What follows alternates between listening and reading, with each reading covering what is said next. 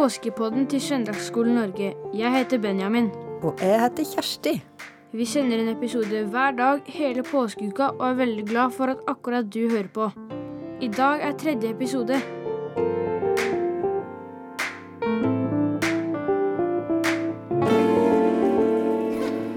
Og i går, Benjamin, så spurte du om noe. Ja, jeg lurte på hva slags påskefeiring de hadde i Jerusalem. Allerede før dette med Jesus skjedde. For å svare på det må vi langt tilbake i tid. Mange, mange tusen år, faktisk.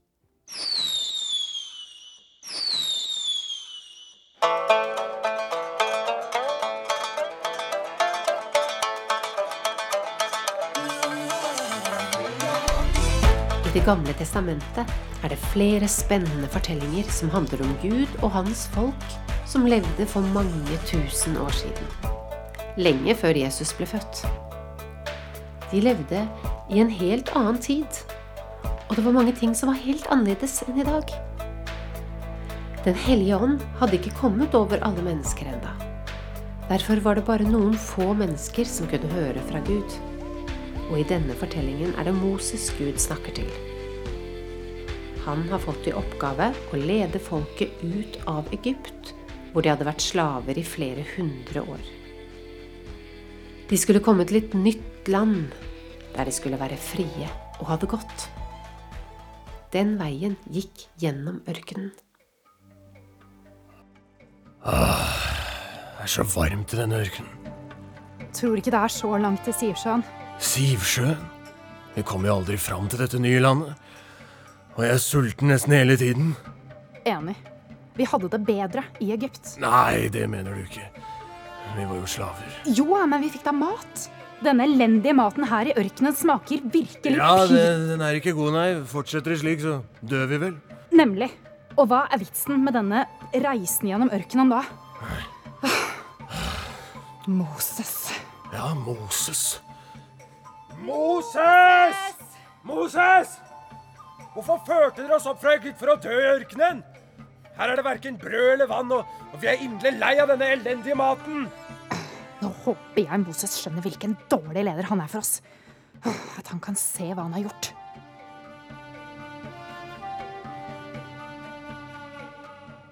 Det var litt merkelig at folket klaget på denne måten.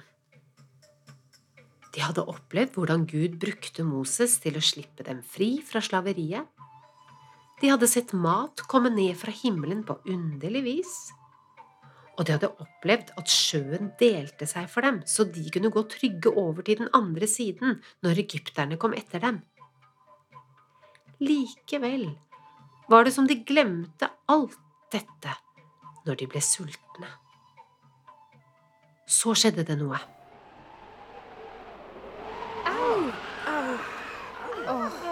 Hva er det som skjer? Hva er dette for noe? Folk virker helt hysteriske. Det har, det har kommet slanger inn i leiren vår. De biter og er giftige. Pass på så dere ikke blir bitt selv. Gode Gud. Se. Se, de kommer under teltduken også. Æsj! Hvor er Moses? Moses? Moses!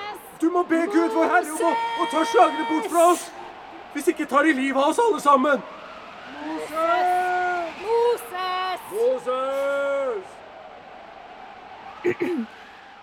Dette som, dette som skjer nå, Ja, hva er dette? Alt blir jo bare verre. vet du hva? Vi, vi har syndet. Syndet? Hva mener du? Vi har syndet mot Gud og mot Moses da vi klaget og satte oss opp mot hans vilje. Gå og si det til Moses.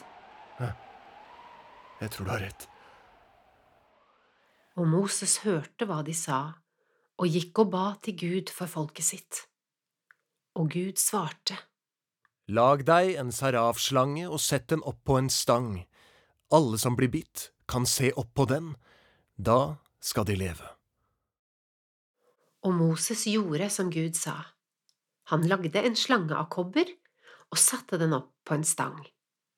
Hvis noen ble bitt av en slange, så så de på den kobberslangen og fikk leve. Se, Da jeg så på kobberslangen, gikk såret fra slangen helt bort. Og jeg føler meg bra igjen. Jeg også. Jeg har blitt frisk. Jeg har blitt helbredet. Gud har frelst oss. En gang.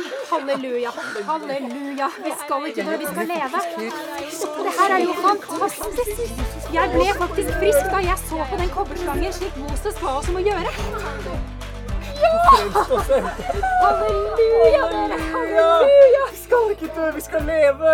I dag er gledens dag.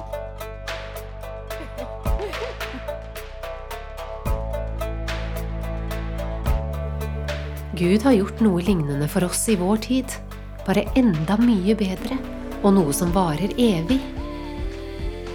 Det har noe med Jesus å gjøre. Det er noe å undre seg over.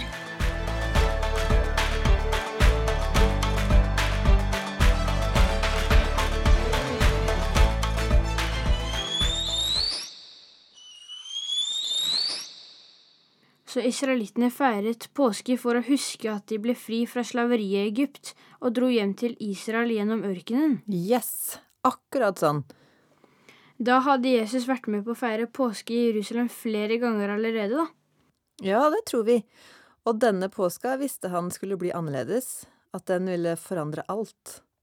Hvordan var Jesus egentlig? Åh, wow. Du stiller veldig interessante spørsmål, Benjamin. I neste episode tenker jeg at vi må undersøke det litt mer.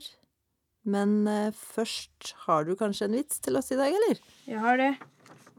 Hva får du hvis du legger teddybjørnen din i fryseren? Teddybjørn i fryseren. Veldig, veldig kald bomull. Nei, en isbjørn.